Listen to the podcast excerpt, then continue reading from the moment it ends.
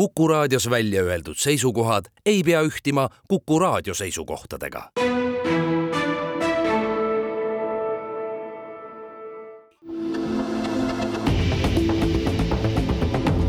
kahevahel.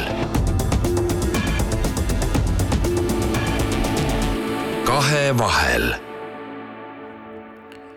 ajakirjanikud Timo Tarve ja Ainar Ruussaar alustamas igareedlast vestlussaadet Kahe vahel ja Kuku raadio otsestuudios meie vahel on hea meel tervitada riigikontrolör Janar Holmi, tere! tere!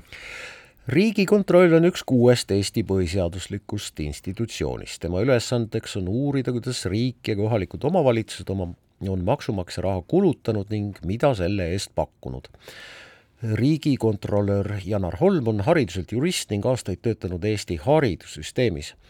riigikontrolli, kontrolöriks sai ta kahe tuhande kaheksateistkümnendal aastal ja tänavu kevadel nimetas Riigikogu Holmi ametisse teiseks viieaastaseks perioodiks, korrektne? täpselt nii selge, sellega me läbisime esimese nii-öelda auditi. aga Janar, tuleb tunnistada, et Riigikontroll on üks nendest juba väga vähestest institutsioonidest, kellelt polegi küsitud või oodatud arvamust peaminister Kaja Kallas tabanud abikaasa idavedude skandaalile, kõigilt teistelt on seda küsitud. kuidas teile tundub, kas äh, ootused nii-öelda avalikele institutsioonidele tingimata midagi arvata ja uurida on utreeritud, kas või sellepärast, et teie institutsiooni nimetus sisaldab sõna kontroll? Võib-olla see ei ole ka päris täpne, minu arust ka Riigikohtult ei ole midagi veel küsitud ja ma loodan, et ei küsitagi. ja see võib veel ees seista, jah. aga, aga, aga see, mis puudutab arvamust äh, äh, selle, selle juhtumi kohta, et kõigil riigiasutustel on omad rollid, põhiseaduslikel institutsioonidel ja ja, ja eks neil on roll öelda seda, mis nende ülesannete hulka kuulub. et loomulikult on mul ka selles küsimuses äh, eraisikuna oma arusaamine sellest ja kindlasti arutan seda kodus ja ja sõpradena, aga Riigikontrollina äh, ja riigikontrolöril on, on seda keeruline teha. miks? riigikontrolöri amet on üldse selles mõttes keeruline, et meil on tohutult palju informatsiooni ja me pigem peame kogu aeg mõtlema seda, mida me ei ütle, selle asemel, mida öelda. et, et olla selgelt oma rollis, siis kui Riigikontroll hakkab suvaliselt eh, seisukohti välja ütlema, mis ei ole seotud auditite või töödega, mida me teeme, siis see ei ole ka päris põhiseaduse kohane. vot seda ma tahan nüüd üle küsida et te peate kogu aeg mõtlema, mida öelda ja mida mitte öelda. kuidas te selle piiri siis veate, et äh, emotsioonide põhjal, millegi muu põhjal? Piir on väga selge, piir on see, kas me oleme mõnda teemat konkreetselt auditeerinud, see peab olema äsjane, see võib olla minevikus, kas me oleme mingit probleemi käsitlenud, kui me seda ei ole teinud, siis äh, variant, kui me sellest rääkida tahame, on see, et me tegeleme sellega. Ja, ja noh, siin paraku jah, meie ametis ei tohi olla sellist äh, ruumi emotsioonidele, et lihtsalt, lihtsalt rääkida, sest kõik, mida mina ütlen, on ju, seostatakse Riigikontrolliga, mitte minuga. Ja Riigikontroll saab ikkagi oma pädevuses seisukohti anda. Riigikontrolli tegevuse sätestab selgelt põhiseadus ja loomulikult ka Riigikontrolli seadus. aga see eelnev küsimus on vist tegelikult laiem ja Riigikontrollile on üritatud ajaloos igasuguseid huvitavaid funktsioone juurde pookida, noh näiteks viimati Erakondade Rahastamise Järelevalve Komisjoni ülesandeid, ma ei tea, kas see on nüüd laiskusest või mugavusest, kui tegeliku vajaduse tõttu selle viimase näite puhul just, mis puudutab Kas erakondade või? rahastamist, et no ma arvan, nagu, nagu öeldakse, et Riigikontroll on väga usaldusväärne institutsioon, mis teeb ju, mis teeb ju rõõmu, aga sellistel hetkedel ei tahaks nii usaldusväärne olla, et äh, pressitakse juurde äh, ülesandeid, mis ei sobi hästi äh, Riigikontrolli rolliga, sest kui käsitleda vast kas või sedasama näidet, Erakondade Rahastamise Komisjon, siis oleks see roll Riigikontrollil, siis uskuge mind, te ei teaks Riigikontrollist mitte midagi muud kui ainult seda, mida me otsustasime ühe või teise poliitilise partei äh, rahastamise kohta. see ei ole päris kooskõlas äh, selle põhiseaduse mõttega, miks Riigikontroll loodud on, aga loomulikult oleks see otsus tulnud poliitiliselt, küll me oleks sellega hakkama saanud, ega sellest ei oleks lihtsamaks läinud mitte kellelgi, äh, kui see niipidi oleks läinud. Riigikontroll on rangelt võttes noh, kõige rangemalt ja laiemalt võttes auditeerimisasutus, aga aga teil põhimõtteliselt on ju pädevust ja, ja isegi ressurssi teha noh, teha midagi enamat. näiteks? ma ei tea meil on äh, piirid, me tegeleme auditiga, audit on, audit on meie, meie produkt, need on erinevad, kas ülevaated, auditid, äh, aruanded, seisukohad, äh, sealt, sealt välja me ikkagi üritame mitte minna, kindlasti Riigikontrolli töö puhul on oluline see, et riigikontrolör osaleb valitsuse istungitel et loomulikult mitte, mitte valitsuse liikmena, vaid, vaid õigusega sõna võtta nendes küsimustes, mis on olulised, ja eks aeg-ajalt ma nendes küsimustes, mille kohta me oleme seisukoha kujundanud ka nendel valitsuse istungitel või kabinetiistungitel, ka oma seisukoha välja ütlen, see on üks viis, kuidas, kuidas mõjutada probleemide lahendamist, teine viis on see, et, et saab alati suhelda ministritega, ametnikega nendest probleemidest, mida me oleme tuvastanud ja, ja need selgelt äh, välja tuua või öelda, et, et me näeme siin probleeme, et äh, me hakkame sellega varsti tegelema, sest mis on Riigikontrolli mõte, ega Riigikontrolli mõte ei ole ainult see, et tulla mõne kurja auditiga välja, vaid mõte on see, et need, need valdkonnad, mida me auditeerime, et, et need probleemid, mis seal oleks, laheneksid. ja, ja seetõttu on ju mõistlik ette öelda, et ühel hetkel tuleme, me oleme näinud, kuidas imeväel hakkavad mõned asjad korda saama auditi käigus, Äh, enne seda, kui, kui noh, üldiselt on teada, et mõni teema on tükk aega seisnud, äkki ta muutub just sellisel hetkel päevakohaliseks ja noh, ma arvan, et meil on selline, selline hea mõju ka nende asjade edasilükkamisel siis, kui, kui konkreetset auditit veel ei ole välja tulnud. Mina olen teie audititest küll välja lugenud äh, ka positiivseid märke, et asi on läinud paremaks, asi on läinud, äh, asi on edenenud ja nii edasi, mis on sümpaatne no jälle laialt laastus võttes te ei ole ju nii ranged, et te peate ainult raamatupidamisdokumentidesse süüvima, te peate vaatama no seal igasuguseid pisikesi asju, kas või ütleme, autode kasutamist ja, ja kõike muud säärast, nii et see ampluaa on ikka oluliselt laiem. kuulge, põhiseaduslikud institutsioonid, vähemalt kaks neist on avalikult kuulnud ikkagi rahahäda, kuidas teie majaga lood on? raha on nii palju, kui on ja sellega tuleb hakkama saada, aga te see, kuidas? Te ei kurdagi? Ma arvan, et neid, kes ütlevad, et raha äh, on nagu piisavalt, neid on väga vähe, aga siin peab olema vastutustundlik, et äh, ei, ei, ei saa üle nõuda, ma arvan, see, mis on põhiseaduslike institutsioonide puhul oluline tähele panna, on see, et ka põhiseaduslikud institutsioonid toimivad samas ruumis nagu ministeeriumid ja, ja teised asutused. Ja kui mingisugused muutused toimuvad ministeeriumides, kas palga näol või muul näol, siis see paratamatult mõjutab ka põhiseaduslikke institutsioone. ehk siis kui palgad hakkavad eest ära minema, tähendab see seda, et hakkavad ka põhiseaduslikest institutsioonidest inimesed ära liikuma nendesse kohtadesse. Ja oluline on minu meelest vaadata seda, et, et oleks tasakaal. Nii et noh, selles mõttes mina lähtun, lähtun oma eelarves sellest, et ei taha mitte midagi rohkem kui see, mis on ministeeriumidel, sest see on see koht, kuhu minu head kolleegid võivad muidu ära minna president ju andis hiljuti ühe intervjuu, kus ta kurtis seda, et äh, et kui talle siis nii-öelda saadetakse need nii-öelda töötajad või pakutakse töötajad Kaitseministeeriumist äh, või Välisministeeriumist, siis ta ei suuda neile samasugust palka maksta ja ma, mina, mina arvan, et see indikeerib seda äh, probleemi olemust. no natuke on ikkagi absurdne see olukord, et äh, noh, Riigikontroll äh, peaks sõltumatult auditeerima näiteks Rahandusministeeriumi, kes teile raha annab, et tegelikult see rahastumismudel nende põhiseaduslike institutsioonide puhul, sellest on ka räägitud, võiks olla natuke teistmoodi mm. -hmm. see võiks olla näiteks parlamendi pädevus. mul on praegu parasjagu külas Läti ja Leedu äh, riigikontrolörid ja ma, mitte nüüd küll sellel korral, vaid umbes kuu aega tagasi, kui ma neid kohtusi, kohtasin ühel teisel üritusel, siis ma küsisin, kuidas teil see rahastamine käib ja Lätis ja Leedus on see nii, et äh, nemad ei pea minema auditeeritava ehk rahandusministri juurde ukse kinni panema ja arutama seda, kui palju järgmisel aastal raha saab, sellepärast et see on ebanormaalne. seal toimib see sellisel viisil, et parlamendikomisjon on see, kes astub rahandusministri äh, asemele ja teeb selle otsuse. et ma arvan, et Eestis on see mõistlik mitte ainult Riigikontrolli puhul, vaid äh, ka teiste põhiseaduslike institutsioonide puhul. kui ma küsisin lätlastelt ja leedulastelt, kas te teate kedagi, kellel on nii nagu meil Eestis, siis nad ütlesid, oi, me poleks arvanud, et teil Eestiski niimoodi on mm., et noh, see ei, ei ole lihtsalt kohane. Ja noh, ma tean, et Rumeenias äh, on, on nii, et parlament ja noh, valdavalt on see ikkagi parlamendi küsimus, ma arvan, et need on pigem erandid.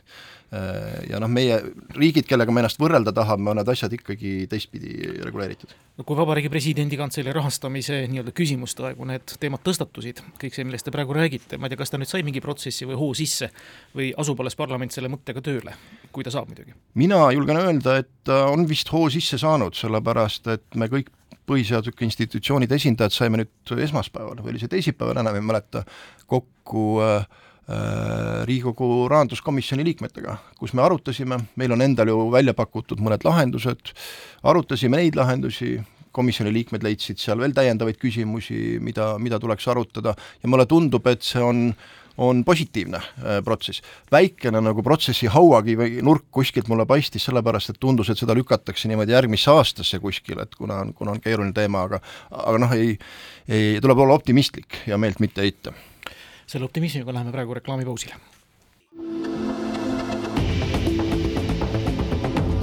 kahevahel. kahevahel. Saade Kahevahel, Ainar Ruussaar ja Timo Tarve on täna võõrustamas riigikontrolör Janar Holmi. härra Holm, hea uudis on see, et Riigikontrolli hinnangul kajastab äh, kahe tuhande kahekümne teise aasta riigi raamatupidamise aastaaruanne Eesti rahanduslikku olukorda õigesti ja õiglaselt paraku ei ole hea uudis see, et Eesti kõrgeim auditiasutus ei saanud kontrollida Siseministeeriumi tööjõukulusid. seletame uuesti lahti, minu jaoks on see ikka natuke segane värk. Kõigepealt ma tahan kiita, nagu te ütlesite, mõnikord olete kiitust välja lugenud auditist, et äh, teenimatult on minu meelest varju jäänud riigi pearaamatupidaja Juta Maar, kes on aastatega üles ehitanud sellise raamatupidamissüsteemi, kus noh, ma arvan, et me võime uhkust tunda võrreldes kõigi teiste riikidega, nii et igati tänu tema poolt ja kiitus aga, aga tõepoolest, et kui, kui ma seni olin kogu aeg kurtnud seda, et riigieelarvest ei saa aru, kuhu raha läheb, aga pärast saame teada, kuhu raha läheb, siis tõepoolest sellel aastal me sattusime olukorda äh, Siseministeeriumi palgakuludega, mis muudut-, moodustavad ju kakskümmend viis protsenti keskvalitsuse palgakuludest, et ei oldud meile, meile valmis seda informatsiooni andma. miks? minu jaoks jääb natuke saladuseks aga, aga mingi, mingi selgitus äh, sellel on, noh, see alguse sai sellest, et äh, me otsustasime alates äh, eelmise aasta algusest, vabandust, eelmise aasta septembrist teisel viisil seda aruannet teha, ehk siis nii-öelda pseudonüümida, mida see tähendab, see tähendab, et me ei näe isikute nimesid, vaid me, seal on sümbolid, otsustasime pseudonüümide teisel viisil seda informatsiooni endale, endale sisse tuua ja, ja see seal olid teatavad siis probleemid, mida Kaitseministeerium, Riigikantselei ja Siseministeerium nägid probleemina. Ja, ja pakkusime teise variandi, millega tulid siis kaasa Kaitseministeerium ja, ja Riigikantselei, aga Siseministeerium mitte. Ja, ja nii ta läks, et seda informatsiooni me ei saanudki, pidime tõesti pretsedenditult esimest korda selle riigi ajaloos andma siis mittetäieliku äh, arvamuse. Ja, ja, ja eile hommikul oli minu arust väga hea kohtumine äh, Siseministeeriumi kantsleriga, kus me saime täpsemalt äh, läbi rääkida, et mis siis nagu juhtus.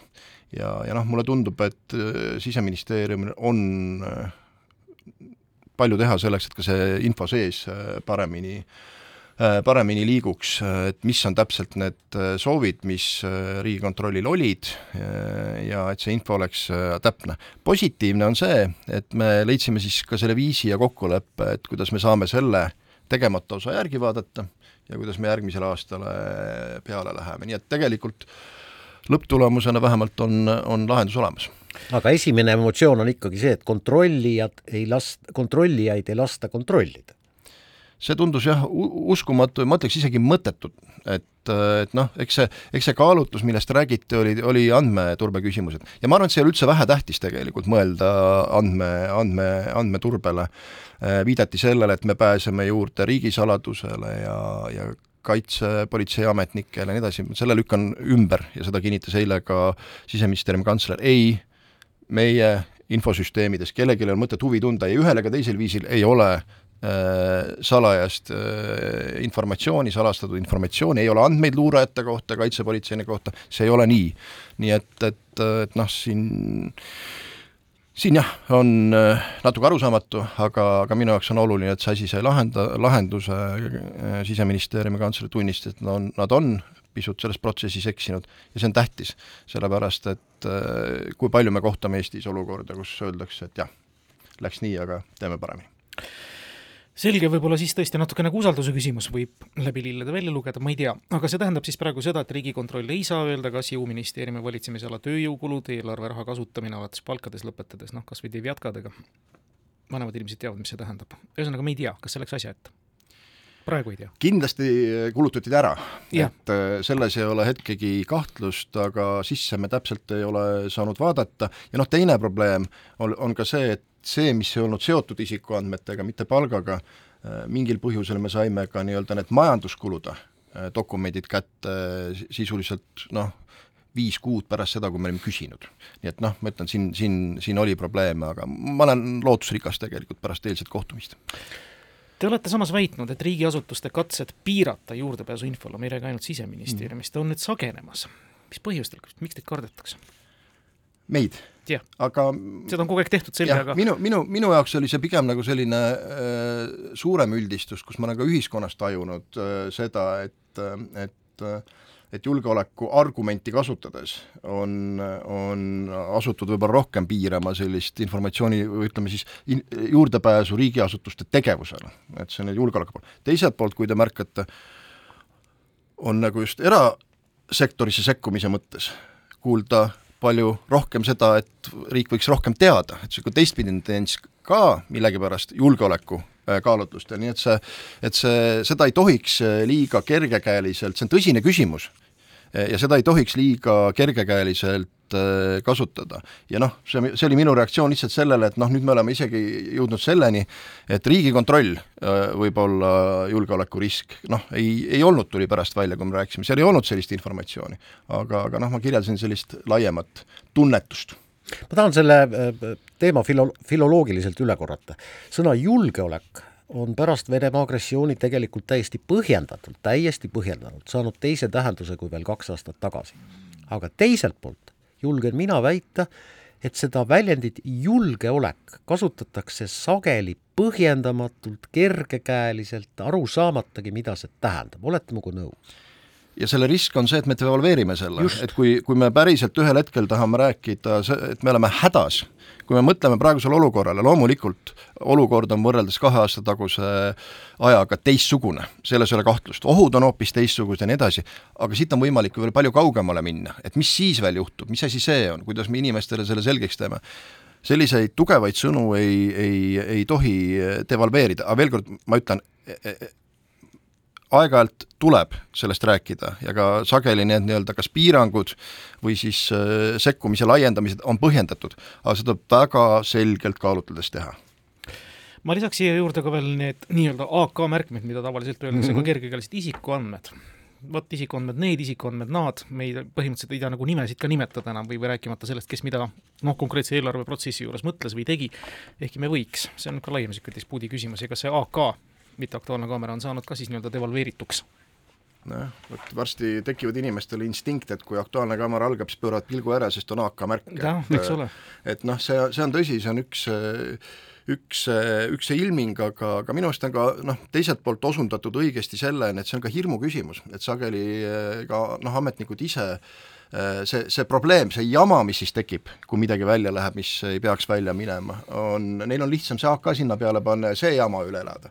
et kuidas sellest nagu tasakaalupunkti leida, ma arvan, et see on see võti, kuidas seda AK-de hulka vähendada. eile oli meil siin avatud valitsemise suur summit, nagu inglise keeles nimetatakse, tippkohtumine jah, ja, ja noh, see on ka tegelikult avatud valitsemise küsimus, et Äh, väga keeruline lahendada. ja kõikvõimalikud sündivusuuringud muidugi ebaõnnestunud sellele AK märke nii-öelda kustutamistele väga palju kaasa ei aita. Äh, Timo teab seda sama hästi kui mina ja ilmselt ka teie teate, et äh, aeg-ajalt lugedes mõnda riigiasutusest tulnud dokumente, kus ei ole AK templit peal, sina ei peagi seda templit peale lööma, sellepärast et see tekst on täiesti arusaamatu normaalsele inimesele. jah, selles mõttes ma olen nõus, et sageli saab kantseliidiga selle muuta selliseks, et, et ainult ametnik saab aru, mis seal kirjas on, et see on ka üks viis, kuidas AK-märke äh, vähendada, see oli nali.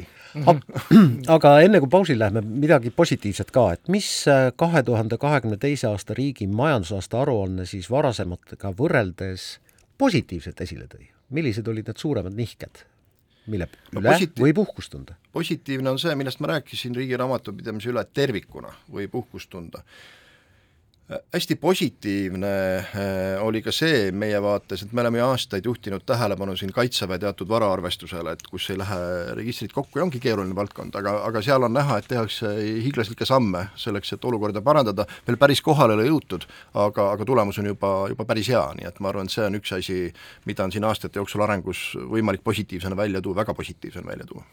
kas haldusreformi järgselt, ma küsin selle osa ka ära, on ka näiteks kohalike omavalitsuste raamatupidamine läinud oluliselt paremaks, ehk siis seda pädevust on tulnud nii-öelda tsentrumisse juurde? meie kohalike omavalitsuste raamatupidamist otseselt ei auditeeri, aga äh, võib arvata, et ta on paremaks läinud, sellepärast et üksused on saanud tõenäoliselt ju tugevamaks, kuna kuna omavalitsused on suuremad ja inimeste valik, keda sinna võtta, on suurem, aga ma täpselt ei oska seda kommenteerida. teeme siin siis väikese pausi ja jätkame.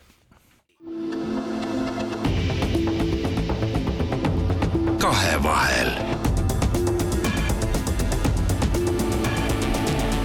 Kahevahel ajakirjanikud Timo Tarve, Ainar Ruussaar jätkamas igareedest vestlussaadet ja meie kahe vahel Kuku raadio otsestuudios on riigikontrolör Janar Holm. härra Holm, valitsuse reservfond on minu jaoks ja ilmselt mitte ainult minu jaoks veidi nagu müstiline nähtus. ma ei saa päris hästi aru, milleks sellesse fondi kogutud raha õigupoolest kulutada saab ja kulutada tohiks. Reserv peaks olema nagu mingisuguste hädade likvideerimiseks või olen ma midagi täiesti valesti aru saanud? jah, valitsuse reserv on viimastel aastatel tohutult kordades kasvanud ja noh, siin on paljuski probleemiks see, et meid on kriisid jälitanud ja ja see on osaliselt ka vastus sellele küsimusele, et kriisiolukorras ei tea täpselt, milleks raha vaja läheb mis ongi ju tegelikult selle reservi mõte, et lahendada eh, siis eh, probleeme, mis tekivad ootamatult, ettenägematult, see on niimoodi öeldud ka ettenägematute olukordade lahendamiseks, sellepärast et ettenähtavate olukordade lahendamiseks on tavaline eelarve, eelarveprotsess see, mida valitsus praegu läbi viib, mis lõpuks jõuab septembri lõpuks eelnõu kujul Riigikogusse. ja noh, see, mida me ka oma aru, aruandes rõhutasime, oli see, et me näeme, et, et sellesse reservi satuvad ka asjad, mis on teada, et need äh, kulutused äh, tuleb teha ja Rahandusministeerium on seda selgitanud äh, mõneti minu meelest arusaadaval viisil, et kui ei ole täpselt teada, kui suur summa läheb ühe või teise teadaoleva projekti jaoks, teatav määramatus, et siis ei ole mõtet seda tervikuna anda, jätame reservi ja otsustame siis. ma arvan, et see on tegelikult mõistlik teatud situatsioonide puhul, aga tuleb olla ettevaatlik, et see maht selliste puhul, mis on sellised piiripealsed, väga suureks ei lähe, ma tean riike, kus äh, nende riigikontrollid juhivad juba aastaid tähelepanu sellele, et äh, reservid paisuvad, paisuvad, paisuvad, mis on reservide paisumise probleem, on see, et ta läheb parlamentaarse kontrolli alt välja, ehk parlament on see, kes otsustab, kellele. No see on teine teema, äh, kui palju ta teab, mida ta otsustab, aga otsustab, kellele, kui palju raha läheb, aga kui sealt osa raha võtta sellise mustana välja, siis see tegelikult Ülle Madis oskab siin täpsemalt öelda, aga see kindlasti ei ole päris kooskõlas selle mõttega, et Riigikogu jagab raha. Eks eelarve mõiste ja, ja noh, mõte eelarvest on üldse teisenenud, me peame kodus, eks ole, kodust kuist eelarvet, lähtume oma võimalustest ja tegevustest, meil on see nagu ette nähtud, me teame, mis asi on kulu meil elektriks, mis on laste huviringideks, ühesõnaga tegevuspõhine eelarve. aga teie auditi intervjuud viitavad, et seda nõndanimetatud tegevuspõhist eelarvestamist võetakse jätkuvalt kui projekti, mida lihtsalt on vaja Rahandusministeeriumi nõudel teha. äkki seletate selle võite kuulajale lahti? Kahjuks see nii on, et, äh, et teadupärast see uus eelarvevaade äh, tähendab väga palju tööd paljudele ministeeriumidele, asutustele, aruandeid, ülevaateid, ja kui me oleme huvituntud selle vastu, et kuidas te seda tohutult rikkalikku juhtimisinformatsiooni kasutate, siis tuleb välja, et ta ei ole väga paljudel juhtudel ja valdaval osal juhtudel üldse kasutatav ja seda ei kasutatagi. ja, ja noh, vot siis tulebki see selgitus, aga noh, nõutakse, äh, teeme, me ju ja, ja me teame ju seda, et on ka päris kulu, kulupõhine eelarve või on seal, noh lõpuks ei ole tähtis, mis põhine ta on. oluline on see, et sellega on võimalik juhtida ja selle informatsiooniga midagi võimalik teha. et need on olemas õnneks äh, majadel ja selle järgi toimetatakse, lihtsalt on küsimus, kui me räägime kokkuhoiust, sellest, kuidas tõhusamalt töötada, et noh, siis ei ole vaja selliseid paralleelseid süsteeme luua ja see on probleem.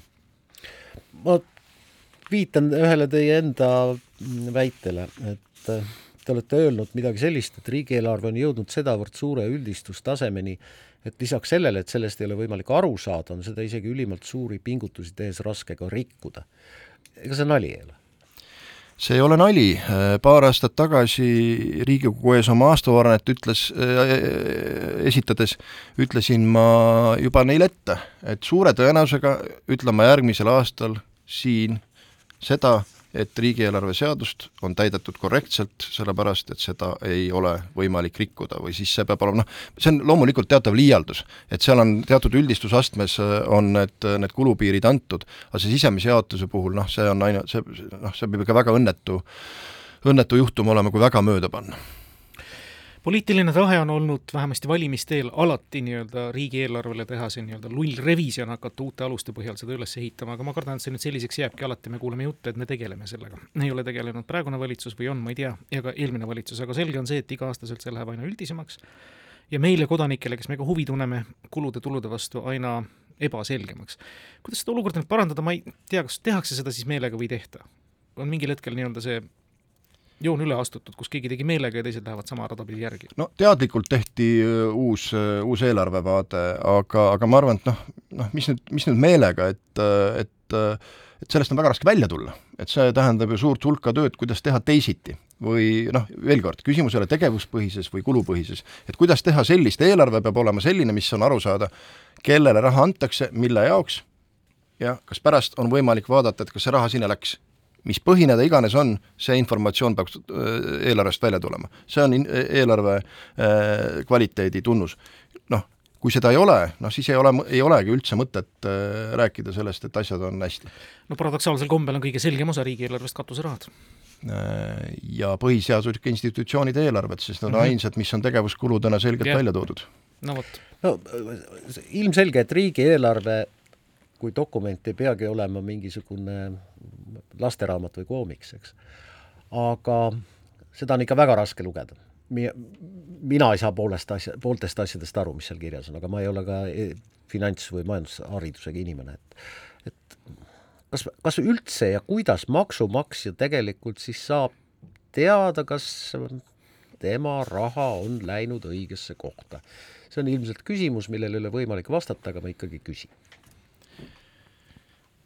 jah, ma arvan, et päris sellist riigieelarve seadust ei saa äh, kunagi olema, see pole võimalik, kus, äh, kus kõik saavad kõigile oma küsimustele vastused iga seitsmeteist äh, miljardi hulka kuuluva euro suhtes. aga minu meelest võiks alustada sellest, et riigieelarve vastu huvi tundvad Riigikogu liikmed peavad sellest aru saama, nad peavad aru saama, mida nad otsustavad. minu arust see on esimene samm, kui me selle oleme kätte saanud, siis on suur samm edasi. ja siis saab edasi mõtlema hakata, mida ka ju tegelikult Rahandusministeerium on ise arutanud, natuke teises viisi, teisel viisil, selgemal viisil inimestele visualiseerida, näidata, tutvustada eelarve sisu, aga, aga teeks sellise väikse sammu, et Riigikogu liikmed võiks saada võimaluse sellest aru saada ja noh, Rolmi, me jõuame nüüd teemani, mis meid kõiki huvitab ja huvitab kõiki põhiseaduslikke institutsioone, kaasa arvatud täidesaatvat võimu. ja otsapidi ka Riigikontroll loomulikult, sest et äh, ka teie peate uurima selle kohta, kui riik õpetab riigi raha eest võõramaalastele eesti keelt, et kas eesti keele õpe ka oma eesmärki täidab, et siis kas inimesed oskavad eesti keelt, kas seda tehakse piisavalt kvaliteetselt ja nii-öelda riigi rahaga õigesti ümber käies. juunis te tegite seda ja kolmandik nendest õpilastest, keda te kontrollisite, ei saavuta põhikooli lõpuks keeleoskuse B1 taset. mis on see peamine probleem, kas asi on siis õpetajates? riik on ju aastaid eesmärke seadnud, et põhikooli lõpuks tuleks tase saavutada. me oleme enam-vähem sinna, sinna kohta jäänud ja see ole lihtne, nii-öelda lihtne vastus, sellele on lihtne vastata, aga see ole lihtne vastus. siin on väga suur äh, osa sellel, mis puudutab õpetajaid, meil ei ole piisavalt õpetajaid selleks, et õppetööd läbi viia. kui me mõtleme Ida-Virumaa peale, siis ei ole seal ka seda keelekeskkonda, äh, mis, äh, mis toetaks selle keele õpet, mis tähendab, et see, mis koolis toimub, muutub veel tähtsamaks. et lisaks sellele, et on eestikeelne õpetaja, eesti keele õpetaja, peaks seal olema rohkem eestikeelseid aineid, rohkem eestikeelseid äh, tegevusi, siis on, siis on vähegi lootust. aga, aga praegu me oleme jah, väga, väga hädas, aga, aga nüüd me tõstsime lati veel kõrgemale, et nüüd me läheme üle eestikeelsele õppele kõigis, kõigis nendes koolides, olukorras, kus meil ka seni probleeme ei ole, oli et ma arvan, et see otsus on arusaadav, et Eestis ongi mõistlik üks haridussüsteem, aga nüüd tuleb nii-öelda kribinal-krabinal hakata lahendama neid probleeme, mis sellega seoses tekivad, sest esimene september läheneb järgmine jah, tulen tagasi selle juunikuise äh, teie auditi juurde, mis puudutab haridust ja keeleõpet. aastaid tagasi seatud riikliku eesmärgi kohaselt pidanuks üheksakümmend protsenti vene õppekeelega põhikooli lõpetajatest jõudma kahe tuhande kahekümnendaks aastaks B1 tasemeni.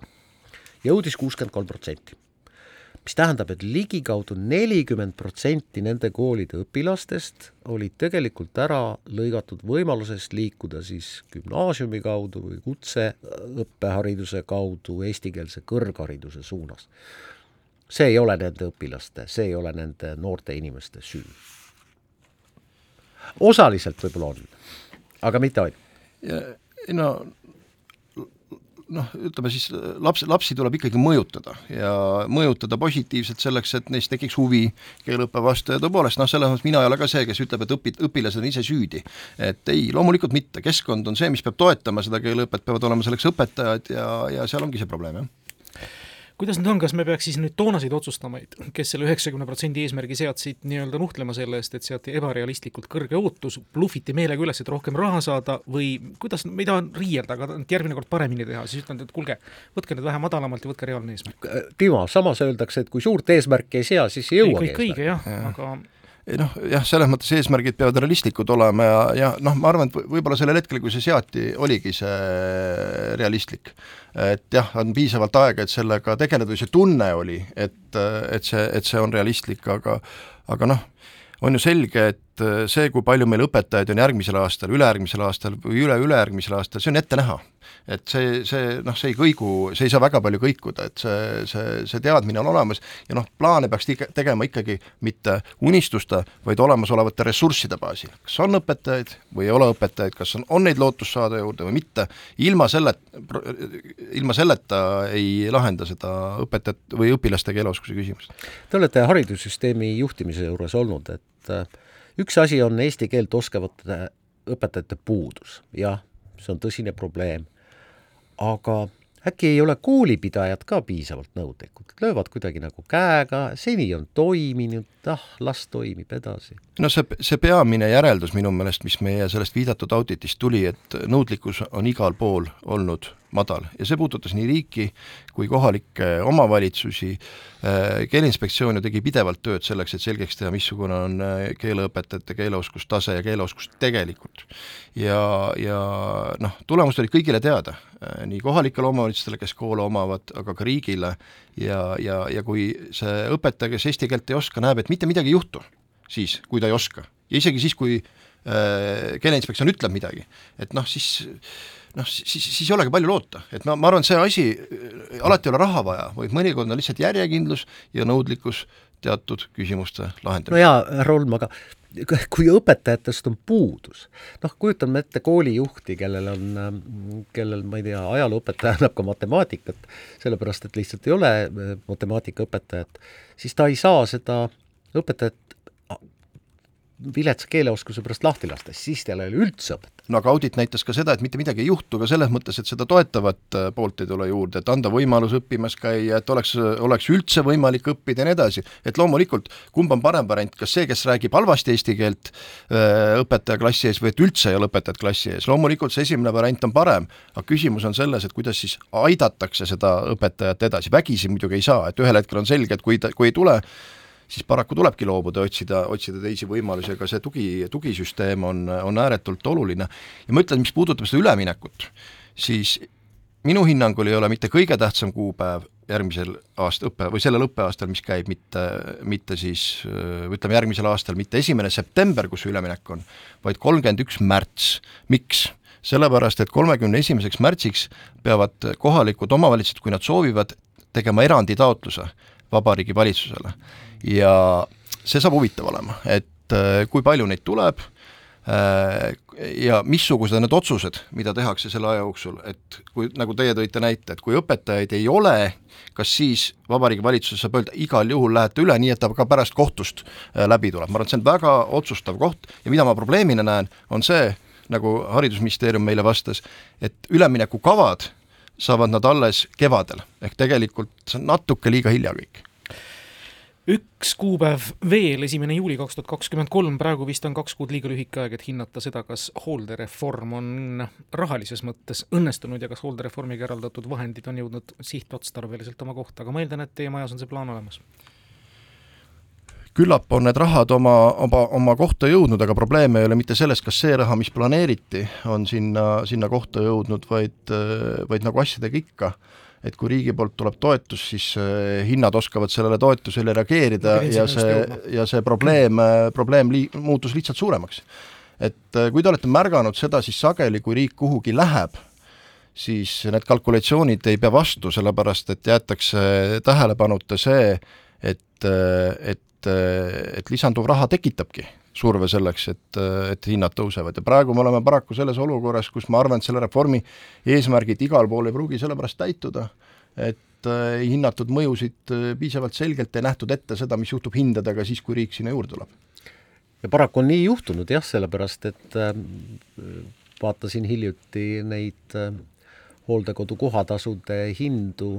Aasta tagasi ja nüüd tõus on märkimisväärne nii paraku on, me läheme siinkohal veel kord ühele reklaamipausile ja siis jätkame.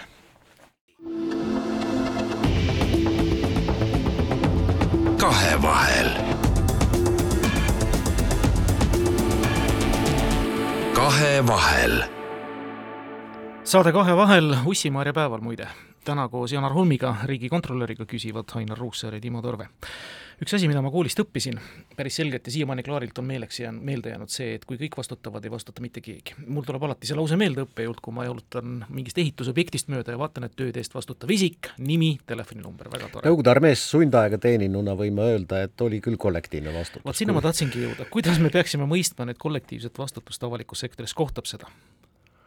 sellele viidatakse sageli. et äh, sellele viidatakse sageli, jah kuidas me peaksime seda konkreetsemaks muutma, et ikkagi oleks konkreetne inimene, kes vastutaks tegevuste eest ja mitte noh, selles mõttes, et peaks teda tingimata karistama, kui asjad halvasti läheks? on, on selge see, et igal konkreetsel riigi ülesandel peab olema vastutaja, nimetame seda kas või omanikuks, kuskil ei tohi olla omanikuta ülesannet või, või probleemi. ja kohe, kui kerkivad üles käed, kui küsitakse, kes on probleemi omanik või ei tõuse ühtegi kätt, eh, siis on mõtet punane lipp püsti tõsta ja küsida, et stopp, et mis me nüüd siis teeme? Ja, ja kes peaks selle teema enda äh, nii-öelda lahendada võtma, äh, kui neid väga palju on, kui üldse ei ole, siis, siis, siis tuleb teistpidi seda lahti arutama hakata, et minu meelest see on see punaste lippude küsimus, kui me näeme selliseid olukordi, siis tuleb sellest valjusti rääkida ja välja tuua.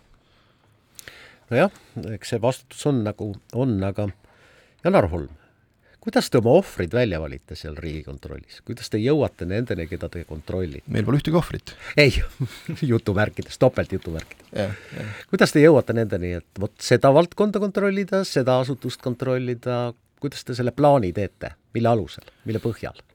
selle põhjal, et äh, teatud aja jooksul saaks võimalikult paljud valdkonnad vaadatud, selle põhjal, et kas on, äh, kas on uusi reforme äh, läbi viidud, et hinnata nende äh, tulemuste saavutamist, suurinvesteeringud, Rail Baltic näiteks, mida me teeme kogu aeg, või mõned, mõned teised äh, suuremad investeeringud, et eks ta sellise riskipõhiselt see, see hindamine, hindamine käib ja ma ei pea neid küll ohvriteks, ma arvan, et me pakume palju rõõmu, kui me kohale tuleme. Ma, ma kordan üle ja, ja vabandan kuulajate ees, kui nad valesti aru said, äh, jutumärkides siis, aga aga nii lihtne see ei ole, et, et keegi solvunud Äh, inimene helistab teile või saadab e-kirja ja ütleb, et seal on tõeline korralagedus, minge kontrollige? ei, kindlasti on, meile, meile tuuakse sageli probleeme välja ja siis me, ma ütleks valdavalt me ikkagi äh, pöördume teisel viisil kui auditiga selle asutuse poole, et me anname märku, et teatavaid probleeme on, on välja toodud, sest audit on päris kallis äh, viis probleemidele lähenemiseks, et me üritame leida selliseid küsimusi, kus see paljude inimeste probleeme korraga lahendada, et, et jah, aga, aga kindlasti pöördutakse ka meie poole konkreetsetes küsimustes. Rail Balticule te juba viitasite, see on üks selline pikka aega ja tänuväärset leiba teie töötajatele, see on irooniaga öeldud, andev nii-öelda projekt, mida ikka mm. ja jälle auditeerida, kas seal midagi hästi ka praegu on? Hästi on see, et lootus ei ole kadunud. jah, ma arvan, et see on, see on oluline, halb on see, et ta läheb koha, senikaua, kuni, kuni me lootusel nii-öelda põhineme, läheb ta kogu aeg kallimaks. nii et oluline, et seda, seda tempot tõsta, jah, seal on tõepoolest ka objektiivseid asjaolusid, miks see, miks see on, on veninud, et aga, aga noh, eks, eks põhjused leiab alati. kas ma saan õigesti aru ja varasematest audititest, nii palju kui on meelde jäänud, et üsna palju on planeeritud kõige sellega, noh, millega ei osata arvestada ette juba ära, et vabandust, vabandust, siin tuleb teha keskkonnamõjude uuring ja kõik muu säärane. ja lihtsalt on rapsti nagu peale mindud objektile arvestamata seda, et mõningad piirangud ja mõningad nii-öelda protsessid tuleb ennem läbi käia, kui me hakkame üldse koppa maha selle, me üldse mõtleme sellele. noh, tava, noh, mis on klassika, et me oleme ka ühe sõna kunagises auditis tõlkinud ühe osa sellisest äh, inglise, Inglismaal audit, tehtud auditi, suurprojektide auditi kokkuvõttest, et mis on need tunnused.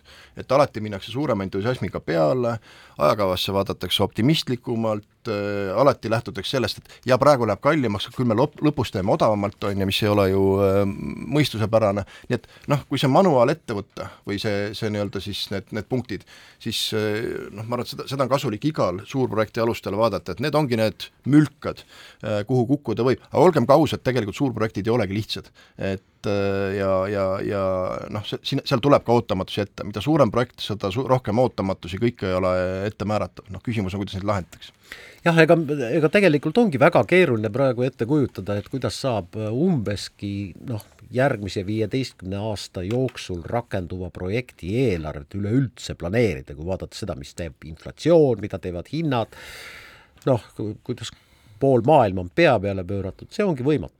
Jaa, aga järgmised kolm aastat, neli-viis aastat võiks olla, suurprojekti puhul ega üks viimastest audititest kõneleb ka sellest, et ega kui me olime alguses hästi usinad ja vilkad pärast Euroopa Liiduga liitumist, kõiki abivahendeid väga hästi ära kasutame, esirinnas, siis nüüdsel ajal me oleme päris tagaotsas, kasutamise tempolt viieteistkümnendal kohal.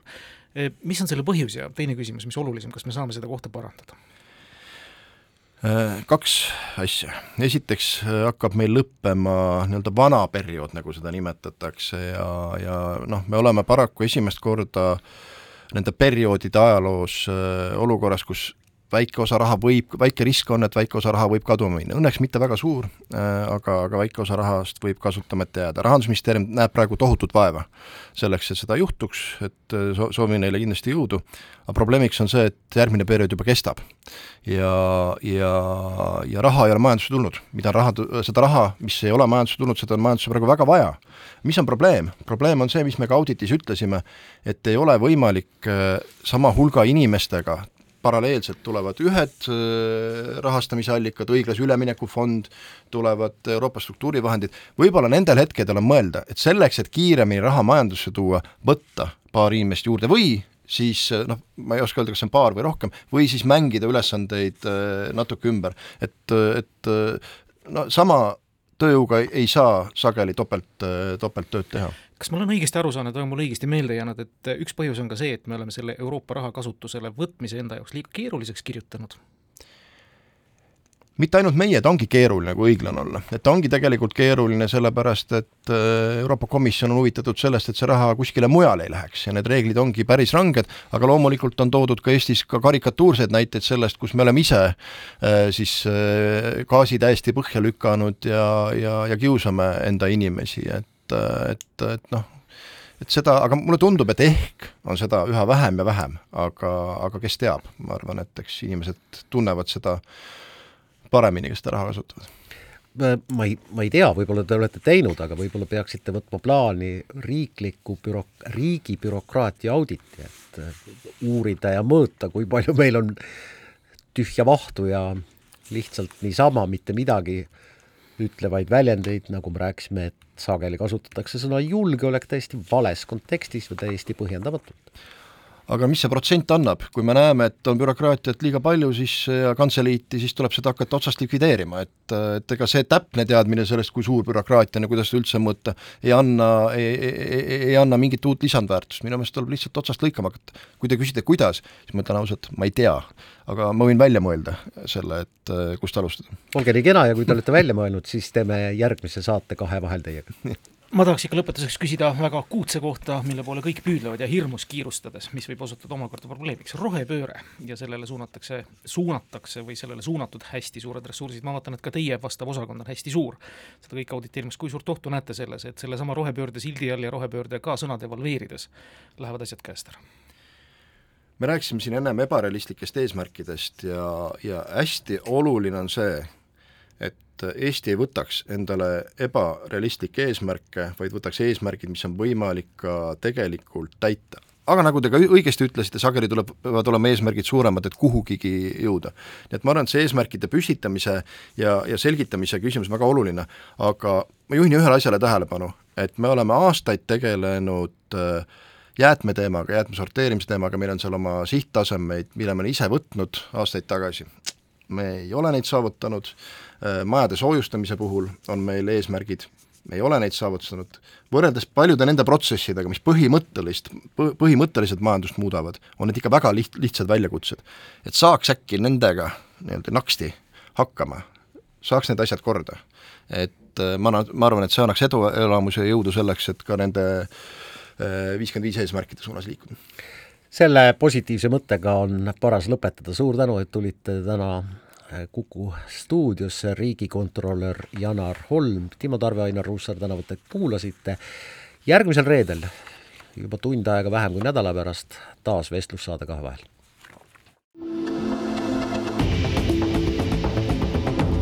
kahevahel. kahevahel